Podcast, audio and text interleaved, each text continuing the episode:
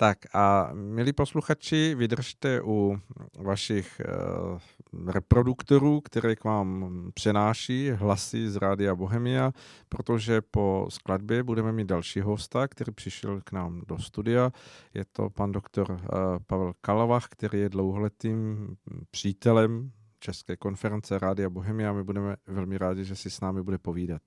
Tak děkujeme panu Krylovi za nádhernou skladbu, která je nadčasová, která, když, ať už se pustí kdykoliv, tak vždycky opravdu z ní mrazí a varuje člověka před tím, aby byl stále v bdělosti a nenechal se ukolebat vnějšími okolními vlivy. A já jsem nesmírně rád, že mohu přivítat tady v našem studiu v Praze mm, vzácného hosta, pana eh, doktora Pavla Kalvacha. Krásný večer, vítám vás. Úctivá poklona, díky za pozvání. A my máme nachystané na dnešek velmi zajímavé téma, které, i když možná pod vlivem těch událostí, které teď eh, prochvívají celou společností, tak se jako mnoho dalších onemocnění trochu upozadilo, ale jak budeme hovořit postupně, eh, tak se ukáže, jak je to eh, velmi důležité téma a že je potřebné se tím zabývat, zamýšlet se nad ním. A hlavně eh, se dostaneme ještě k významné osobě. Jedné, já ji nebudu ještě prozrazovat, ale je to osoba naší československé historie, která opravdu v ten, tomto onemocnění nebo bádání okolo tohoto onemocnění udělala veliký kus práce a tak trochu Eh, jí bylo historickými souvislostmi upřeno je, její prvenství a jak také o tom budeme hovořit, eh, jak už to tak bývá, mm, ti nejlepší z nejlepších častokrát nejsou vidět. Takže mm-hmm. Pane doktore, chci se vás zeptat, v tom našem klokotu společnosti většinou ta část generací, která už je za svým horizontem, už není v tom produktivním věku, tak se dostává do jakési mm, překlopené strany toho, toho, kde společnost se snaží nějakým způsobem hledat progresi a podporu. A tím tak trochu asi té velké části společnosti uniká to, že eh, lidé, kteří už jsou v tom vyšším věku, začínají mít problémy s tím, co se obecně označuje hm, jakousi ztrátou mm-hmm. schopností a vlastně lékařsky je to nazýváno jako demence. Ano. Eh, co, co k tomu dodat? Protože svým způsobem hm, se k tomu můžeme dopracovat každý z nás. Eh, jak to mm, nahlížíte? No. Bohužel se dopracujeme. Kdo nebudeme eh, umírat předsa, eh, předčasně, teda to znamená ještě v nikoli velmi pokročilém věku, se zachovanou myslí, tak se dožijeme takového zklamání se svou mentální výkonností. No já děkuji za pozvání a myslím si, že toto téma není úplně zanedbatelné a že by to mohlo některé posluchače zaujmout. Eh, ta celá říše sledování duševního výkonu, eh, tak ta má trvání takových asi 130-140 let. Eh, dříve to lidé brali tak, že někdo je chytřejší, někdo je hloupější a nevěnovali tomu příliš velkou pozornost. Takže vlastně teprve začátkem 18. století se začalo rozlišovat takzvaná psychická retardace od demence. Uh-huh. Demencí se tedy myslí stav, kdy lidé dosáhli už značně vysoké inteligence a postupem času nebo, post, nebo účinkem nějaké choroby potom tu inteligenci ztratí. Uh-huh. Jakoby se stupují tak, dolů. Eh, ano, ano. A eh, tohoto našeho tématu, o kterém si tu chceme povídat, se týká také veliká semanticko-filozofická hádanka, co je to nemoc a co je stáří. Hmm. Protože dnešní Eh, taková nejčastější doktrína, které se používá v neurovědních a psychiatrických kruzích, tvrdí, že lidé stárnou zdravě a ten, kdo eh, nějakým způsobem zhloupne, takže má nemoc. Mm-hmm. A té nemoci se většinou říká Alzheimerová nemoc neboli Alzheimerová demence. Skutečnost je taková, že demence je všeobecný syndrom, který může vzniknout z nejrůznějších příčin. Tak například, když mě teď někdo praští pořádně přes, přes hlavu, tak uh, mohu, až se z toho plně zpamatuji, zůstat už dementní, pokud ta rána byla veliká. Pokud teď dostanu encefalitidu, eh, tak až se z ní vyškrábu, tak mohu zůstat taky dementním. Hmm. Budu-li intenzivním alkoholikem, tak se zřídím a zrujnuji také tak, že mě to myslet nebude. Takže cest k demenci je hodně.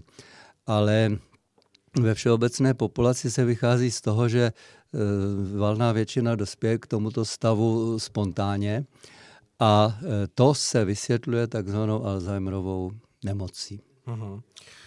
Asi posluchače bude zajímat spíš ta plíživá cesta, protože k ní se dostáváme s více, víceméně nějakýma uh, našima vlastníma postupama životního návyku nebo životního způsobu, uh, jak přistupujeme, ať už uh, k nějaké kondičnosti nebo psychické hygieně, psychickému zdraví, každý za sebe.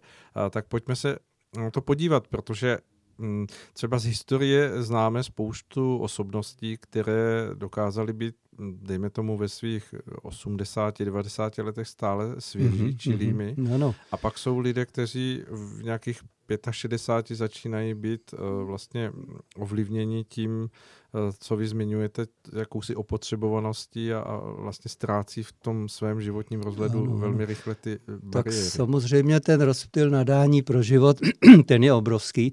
Podobně jako někdo umí rychle běhat a jiný běhá jenom pomalu, eh, tak jsou velké rozdíly i v výkonech duševních. A to všechno se ještě mění v čase. Uh-huh. Já jsem do svých přednášek, ve kterých jsem obhajoval určité zákonitosti života, ve kterých podle kterých prožíváme eh, fázi rozkvětu v mládí, Eh, fázi eh, takové, bych řekl, vyrovnané, vyrovnaného období ve své dospělosti, to znamená mezi 25 a řekněme 60 lety, uh-huh. a pak zase fázi tedy úpadku a zmaru, tak na podporu takové teorie, že ten zmar je přirozený, jsem sestavil grafy eh, tělesné výkonnosti atletů, uh-huh. protože u eh, atletických veteránů to máme velmi precízně Eh, potvrzené, jak jdou ty výkony dolů. Takže mm. to, co dokážou lidi nejdéle do 30 let, tak už nikdy nedokáží potom v tom vyšším věku a všechny ty výkony jdou dolů. Takže například eh, do výšky máme československý rekord eh, veteránů ve 35 letech od Šabeleho 2 metry 1 mm. a zatímco ti mladší skáčí ještě podstatně víc. A e, ve věku 85 a 80 let už je to 90 cm. Takže, a to je výkon. Tak, ano, ano, to ještě ji můžeme závidět. Že jo. No a když jsem to prezentoval na nějaké konferenci, tak jedna dobře orientovaná američanka se zeptala, no a můžete říct, že jsou ty lidi nějak nemocní, kteří dosahují těchto nízkých výkonů ve svém stáří?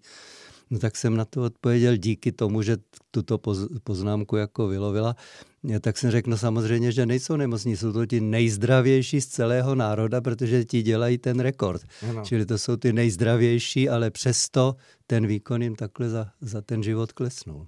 Takže je tam jistý vliv té opotřebovanosti, která je přirozená. Přesně tak, hmm. přesně tak, protože my zažíváme různé ústrky během svého života Eh, takže například fotbalové hlavičky eh, jsou jeden hmm. z elementů, který se dneska značně sleduje.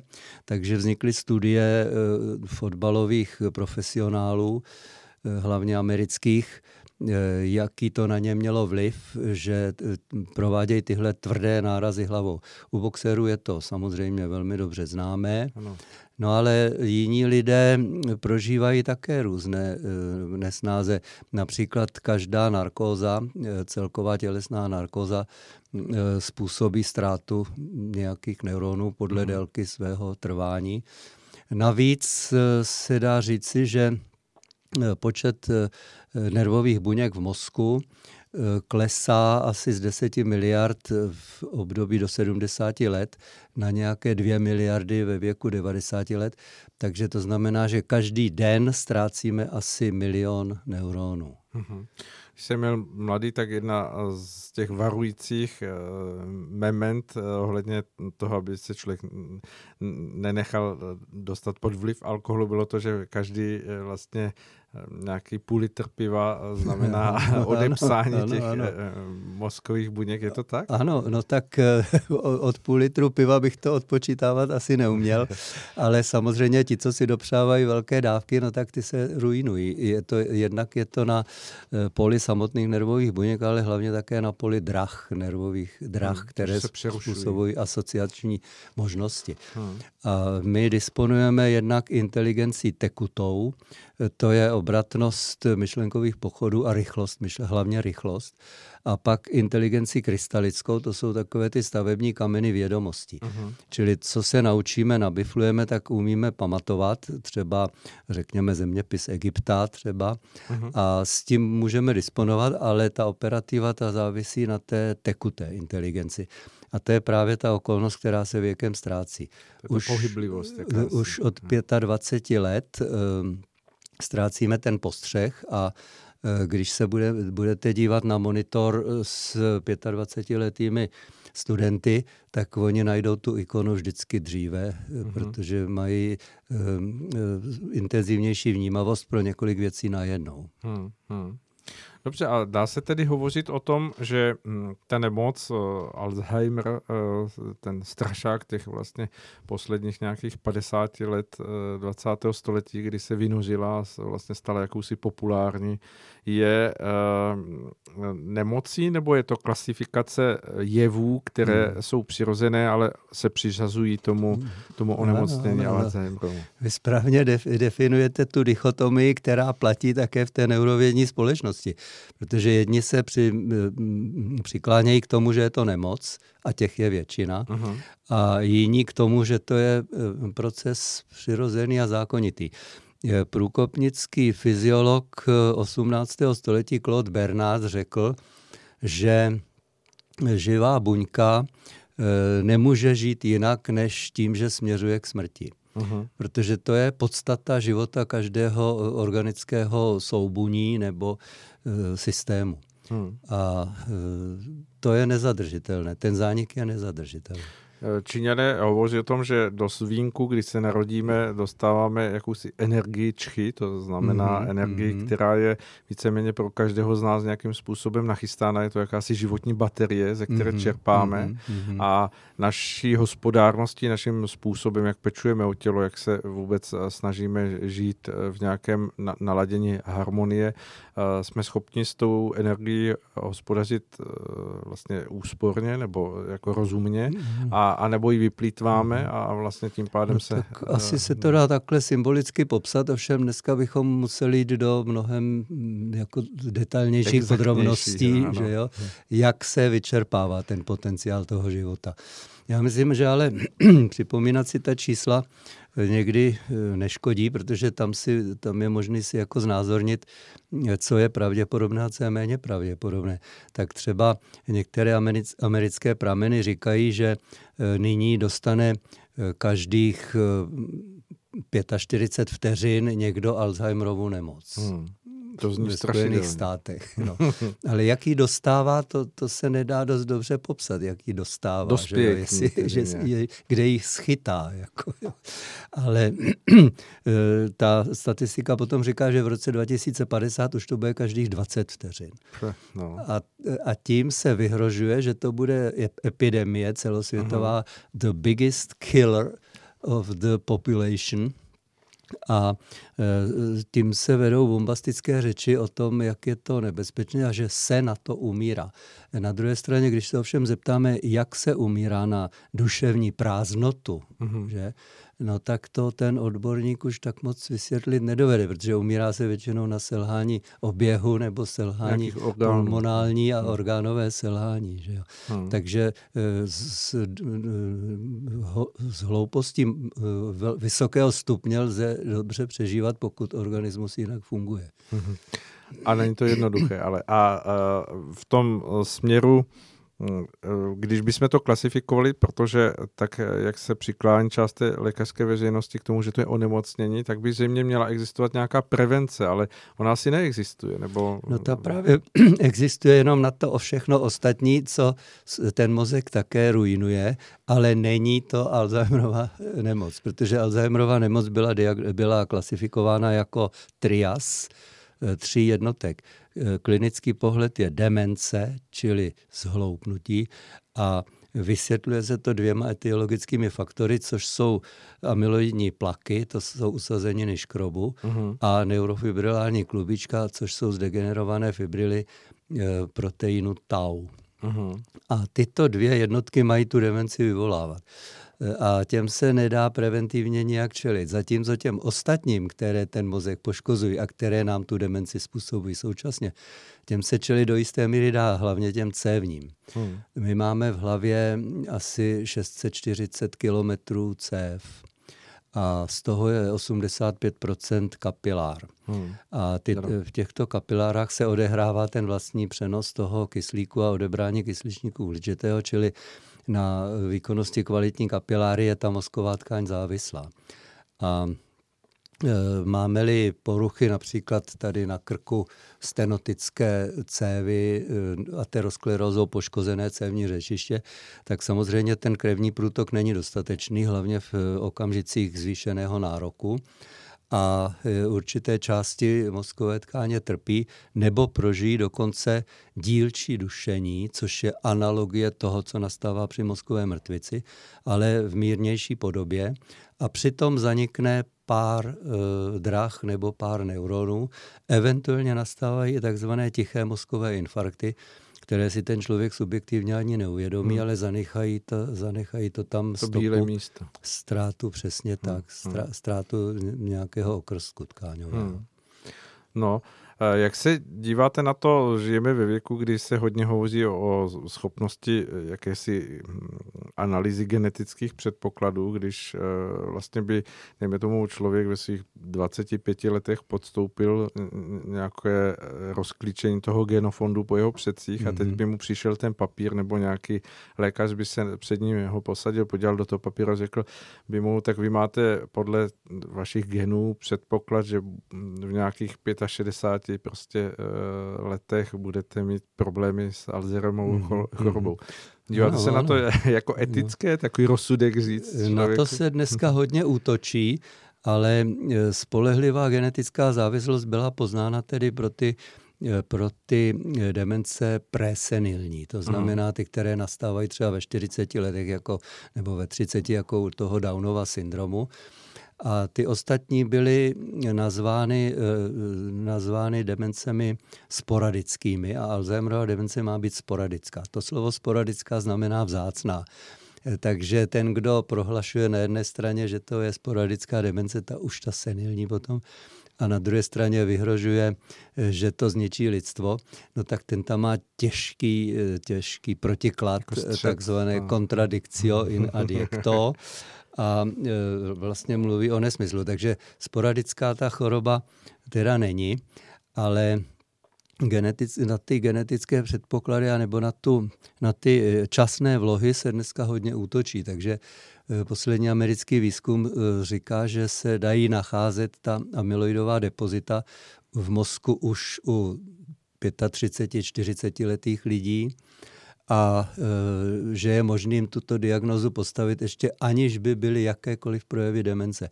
No tak to ovšem dává e, nesmysl, protože pokud někdo nestoná a není to vidět, no tak nemůžeme říkat, že je nemocný. Hmm, samozřejmě. No. No, a že má připraveno na tu nemoc, tak e, to se dá říct téměř o všech lidech. Jo.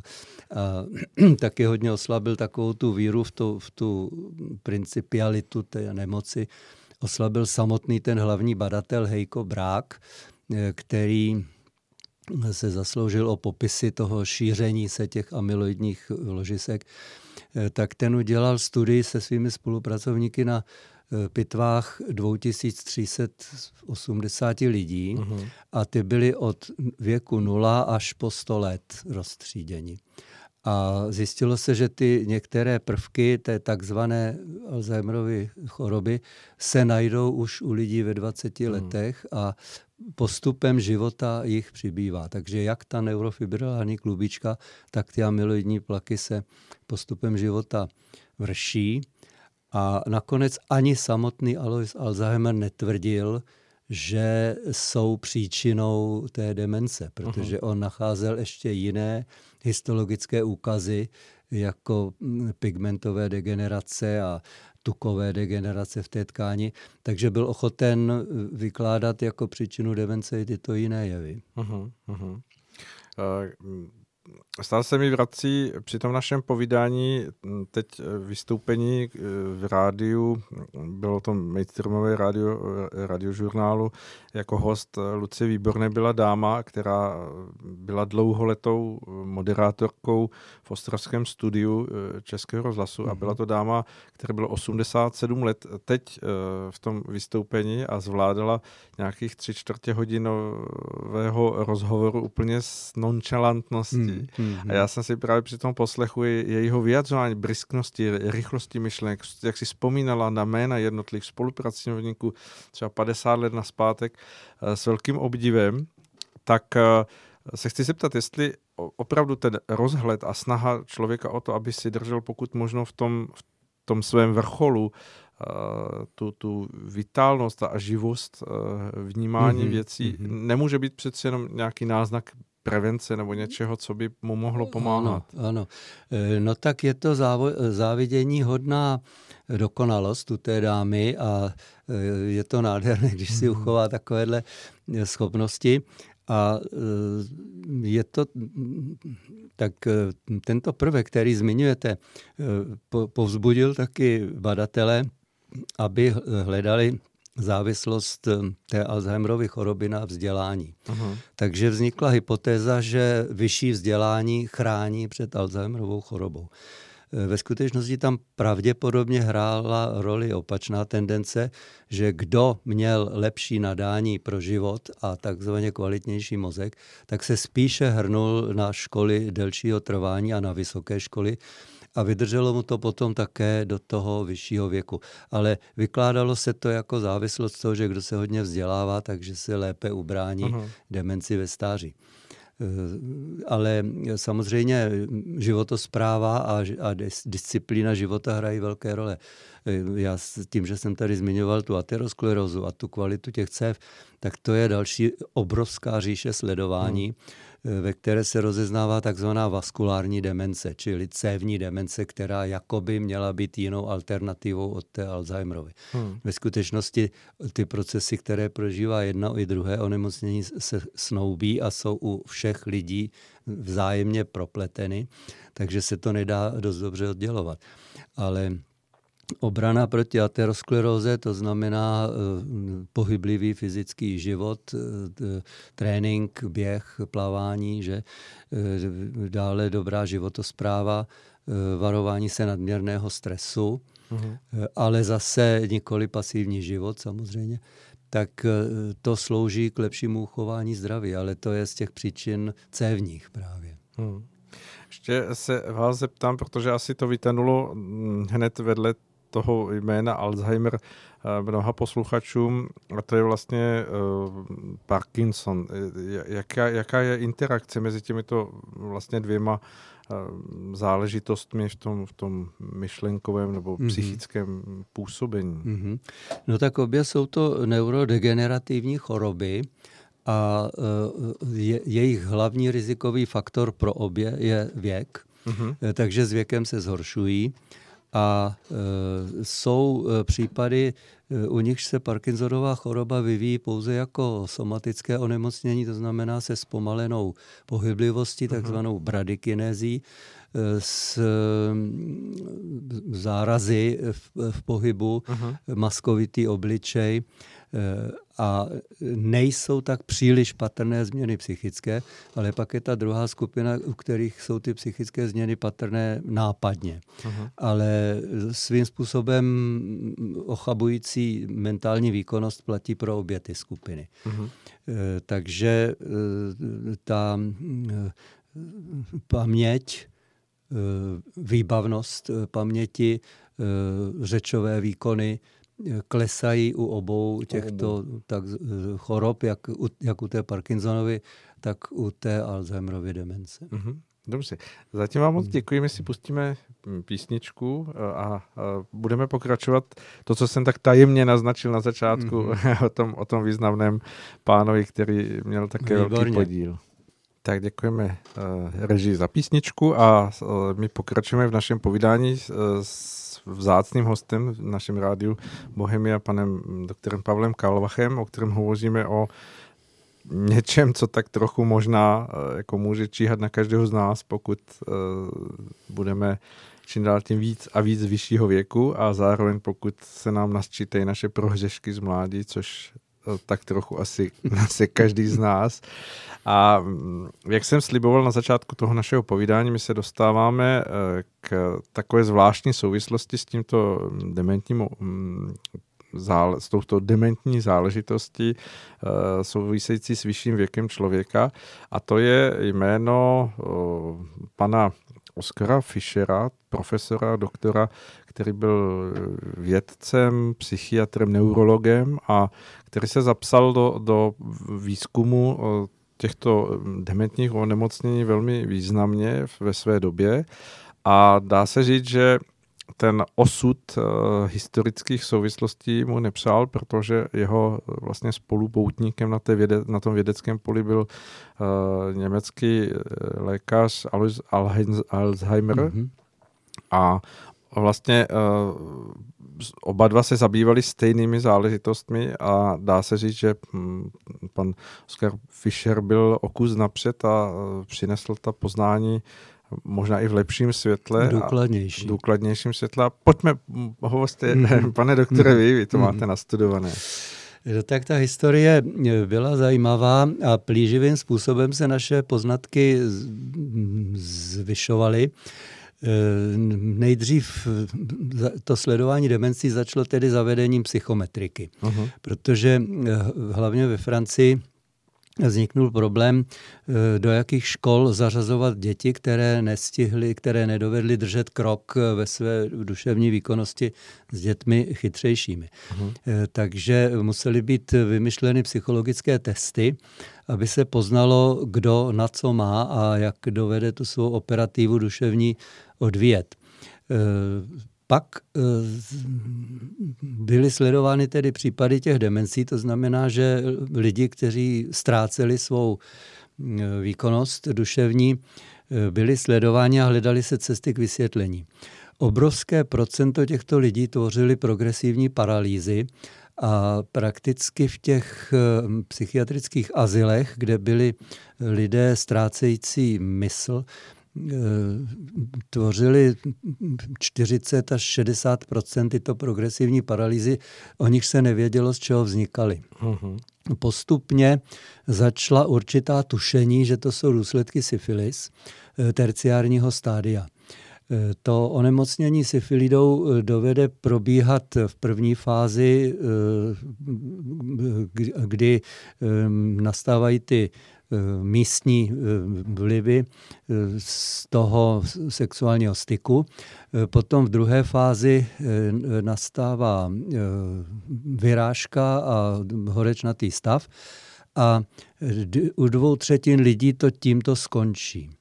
Eh, takže to jsou ti šťastní. Ale pak jsou to, ty nešťastní, u kterých to způsobí imunitní odpověď a vznikne autoagresivní proces, hmm. který vytváří takzvaná gumata mozková a, vytvář, a poškozuje míchu, kde vzniká tabické, eh, tabický stav.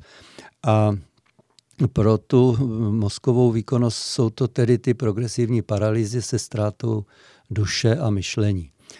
A Eh, na přelomu 19. a 20. století se konečně přišlo přesvědčivějším způsobem na to, že jsou to tedy důsledky syfilis.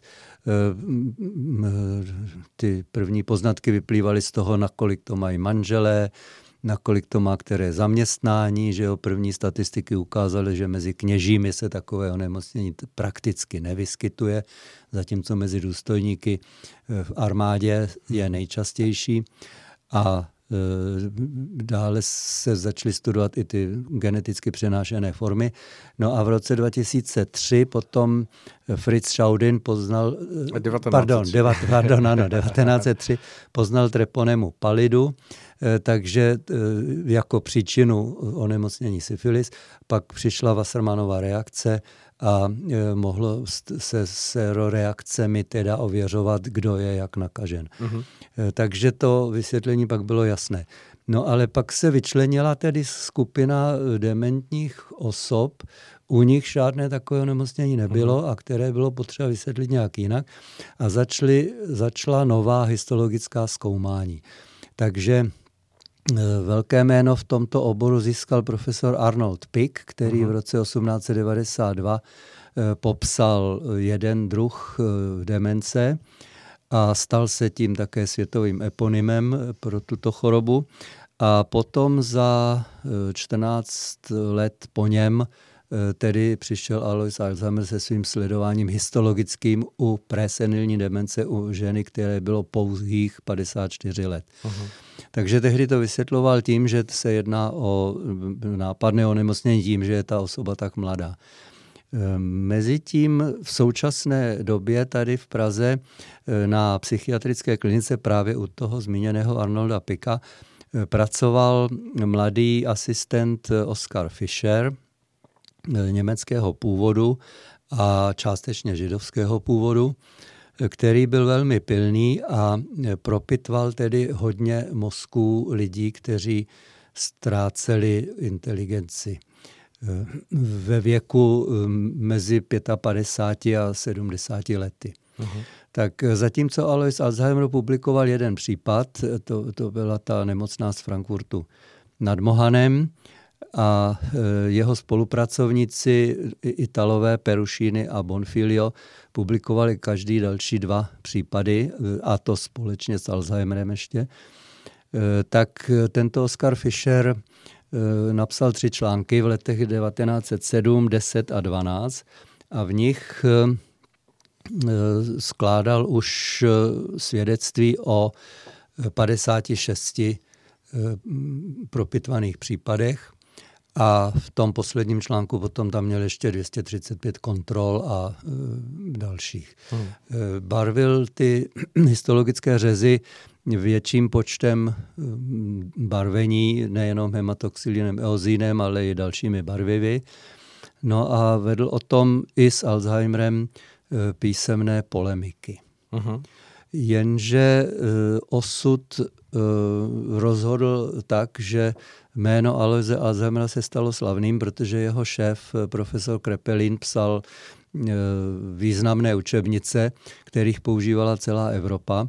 A v osmém vydání tohoto svého psychiatrického sborníku e, inauguroval Alzheimerovu chorobu jako nové onemocnění. Hmm. Takže se to rozšířilo do světa a tehdy byla německá psychiatrie byla na čele světového vývoje a Krátce na to potom začaly podobné případy eh, nacházet také ve Spojených státech a eh, pár dalších případů tedy bylo publikováno.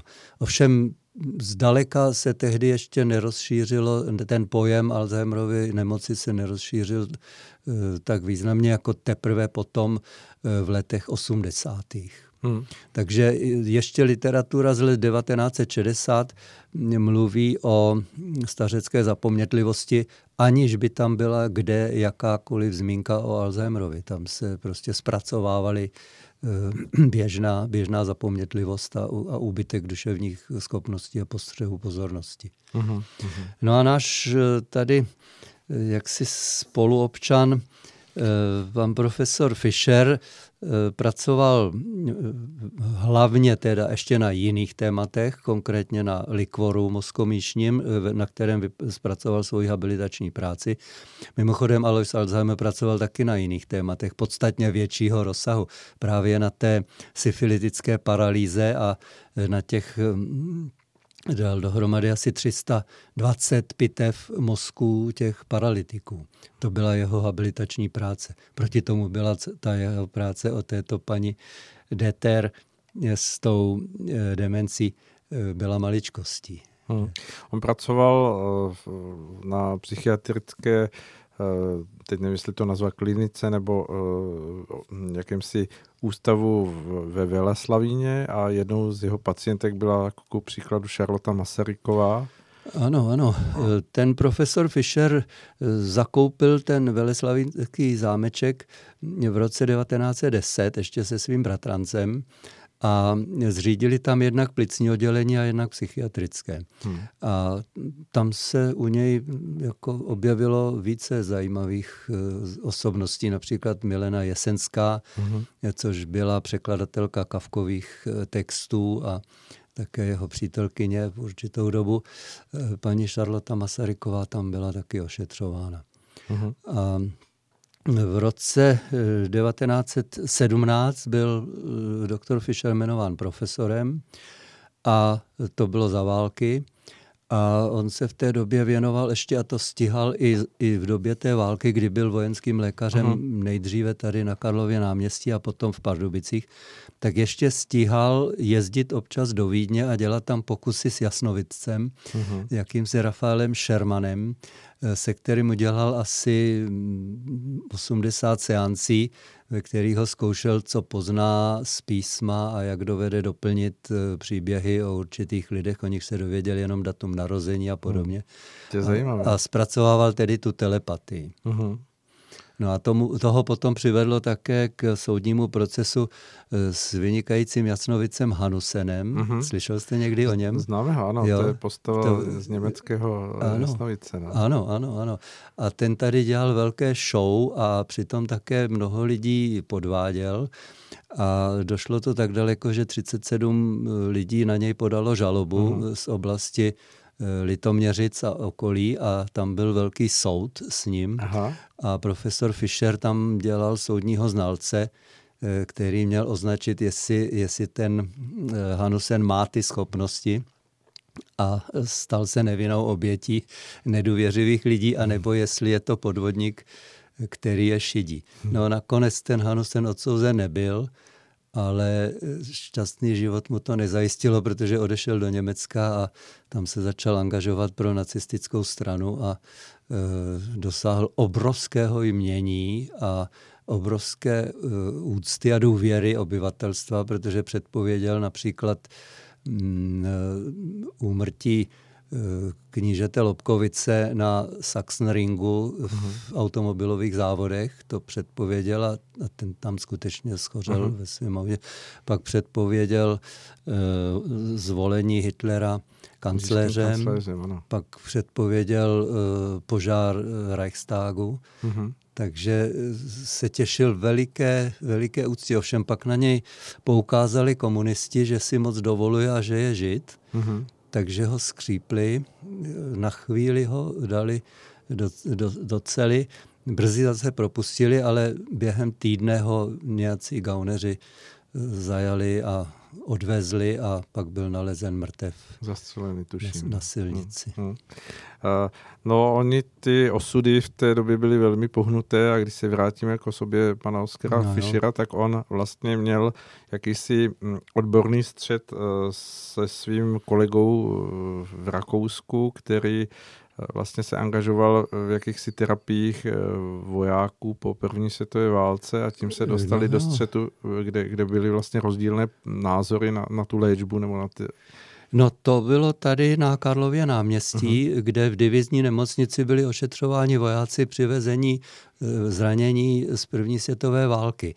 A tam byl jistý eh, velitel toho to lazaretu Feldhuber uh-huh. a ten eh, zacházel s těmi vojáky velice spatra, eh, surově a honil je, aby se co nejrychleji uzdravili a šli zpátky na frontu. Kdežto profesor Fischer k něm měl humánní vztah a snažil se jich zastat a dělal to jednak proto ze soucitu lidského, aby uh-huh. oni se mohli doléčit, ale Jednak si myslím, že i z přesvědčení, že kdokoliv bude na frontě chybět, takže zajistí eh, méně mrtvých ano. na druhé straně. Mm-hmm. Ten, eh, tato kauza se táhla jako dlouho a tak trochu přispěla i do, do, do té nešťastné osudové niti pana Fischera tím, že vlastně ve chvíli, kdy mm, v Rakousku propukl také nacionalismus a a vlastně po, po něm vystoupala hvězda hmm. vlastně toho dotyčného pána, co jste zmiňoval, teď nevím přesně jméno. Tohle byl ten Feldhuber, ano, to, to byl v tom Lazaretu. Ano. No, no, no. A, a vlastně tam to bylo také jednou z příčin, že ve chvíli, kdy e, vlastně začala druhá světová válka, obsazení Československa, tak e, vlastně i z hlediska svého původu pan profesor Fischer byl, tuším, 1942 no. zatčen a eskortován do Geta on měl, on měl v tom svém osudu několik nešťastných překážek. Ty první už byly, když čeští patrioti zakládali Československo, tak nestáli o názory Němců, respektive pokládali je za nepřátele, kteří brzdili vznik Československa a profesor Fischer ale se angažoval velmi pozitivně jako sociální demokrat, za, za, zastával se humanistických ideálů a tak, ale přesto měl střety s těmito vlastenci, jednoho taky zbyli, mm-hmm. ale naprosto nezaslouženě. No a později zase měl nesnáze kvůli částečně svému židovskému původu, uh-huh. ale možná i proto, že byl povolán v určitou dobu prezidentem republiky, ale to asi až v roce 1938, aby zpracoval psychiatrický posudek na Hitlera. Uh-huh. A o tom se vyjádřil jeho syn, kterému bylo v té době 18, Ovšem vyjádřil se až po válce, kdy požádal prezidentskou kancelář, jestli by se tento posudek mohl najít. Uh-huh. A příbuzní pana profesora Fischera mě ukázali dopis, který mu odpovídal tajemník prezidentské kanceláře, že ten, dopis, že ten posudek nenašli uh-huh. v roce 1947. Uh-huh. A pokud ten posudek existoval a Němci se to dověděli, tak bylo dost možné, že to samozřejmě nebyl asi posudek, který by Führera vynášel jako dobrého člověka. To se dá samozřejmě dát asi do souvislostí a vlastně z toho vyplývá ta osudová niť, že profesor Fischer se dostává do terezínského geta a ano. Zde, zde potom vlastně záhy umírá údajně na srdeční infarkt, tuším. Přesně tak. A zřejmě ale asi pod velikým stresem a náporem těch životních událostí. Právě. Zatkli ho v roce 1941 a on tam strávil skoro rok. Hmm. Eh, zachovaly se ještě dva korespondenční lístky, které psal domů. Ty lístky ovšem musely být stručné, protože ta zpráva gaunerská eh, toho mm, vedení nedovolovala eh, širší dopisy. A nakonec 27. února 1942 došlo k nějakému střetu, ze kterého on vyšel prostě s úrazem tak velkým, že druhý den zemřel. Takže hmm. jeden den, jeden den, teda ten poslední den svého života prožil na té marotce, hmm. té rezínské malé pevnosti. Hmm. Myslíte si, že by bylo zadosti učinění tomu jeho osudu a tím, čím přispěl v té uh, neuropatologické sféře uh, svým působením, aby se přeměnovala Alzheimerova demence na Alzheimer, Alzheimer Fischerovou ano. demenci. No byly takové náměty, eh, tak eh, pár eh, pokusů jako věnovat pozornost profesorovi Fischerovi už proběhlo. Například v roce 2016 při svátku vzniku Československé republiky jeho rodné město Slaný ano. jej odměnilo medailí a plaketou, takovou vzpomínkovou, jako čestného občana. A e, světová literatura neurologicko-psychiatrická e, také pár takových e, doporučení zažila, že ta nemoc se má tedy nazývat oběma jmény těchto pánů. Hmm. No, ale jako poslední, co pro popularizaci profesora Fischera ve světě vzniklo, byl grant amerického průmyslníka Jima Trucharda, který vlastní velmi rozsáhlou síť výrobní National Instruments. A on tady byl v Praze před dvěma roky a Debatovali jsme spolu o zásluhách profesora Fischera, jeho velmi zajímala tato podstata.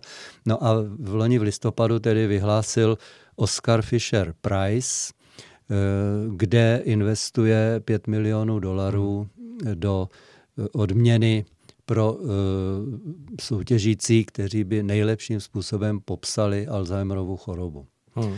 Takže eh, pro mé vnímání je to Eh, setkání těchto dvou mužů, kteří si kdysi korespondovali o problémech stárnoucího mozku a eh, dalších 80 nebo 100 let eh, pro, prožívali zcela rozdílné osudy historického zpracování toho jejich díla a nyní se znova scházejí kdy Oscar Fisher Prize je cena pro nejlepší popis Alzheimerovy choroby. Hmm.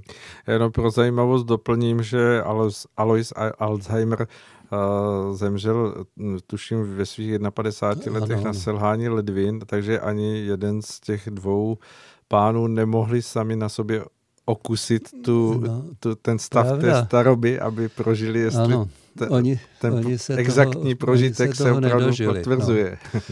Profesor Alzheimer odešel z Mnichova eh, v roce 1912, protože se nabízelo místo v pátém největším německém městě, místo přednosti psychiatrické kliniky ve Vroclavi. Uh-huh. Čili Breslau bylo tehdy velké centrum a ty, ty města soutěžila ve velkoleposti svého psychiatrického výzkumu a Eh, ta mnichovská skupina eh, se snažila eh, určitým způsobem trumfovat úspěchy Prahy.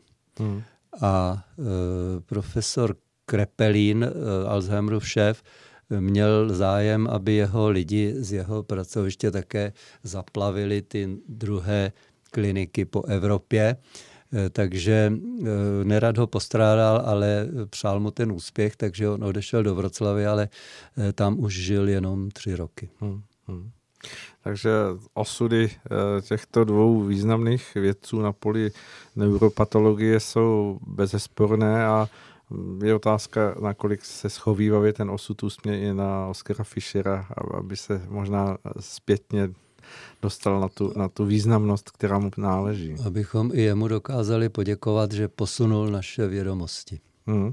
S tím, že vlastně jste zmínil, že on byl slánským rodákem, takže se nedá hovořit o tom, že by zde byla nějaká rozdílnost eh, buď jeho židovství nebo německého původu. Eh, prostě to byl eh, člověk, který se zrodil v Československu a jeho, jeho přínos vlastně této zemi byl nesporný. Určitě, no tak on uměl dokonale německy i dokonale česky, takže na klinice profesora Pika který byl Němec a, a byla to německá psychiatrická hmm. klinika, tak on byl velmi prospěšný pro ty německé pacienty, kteří tehdy pocházeli z vyšších kruhů. Hmm.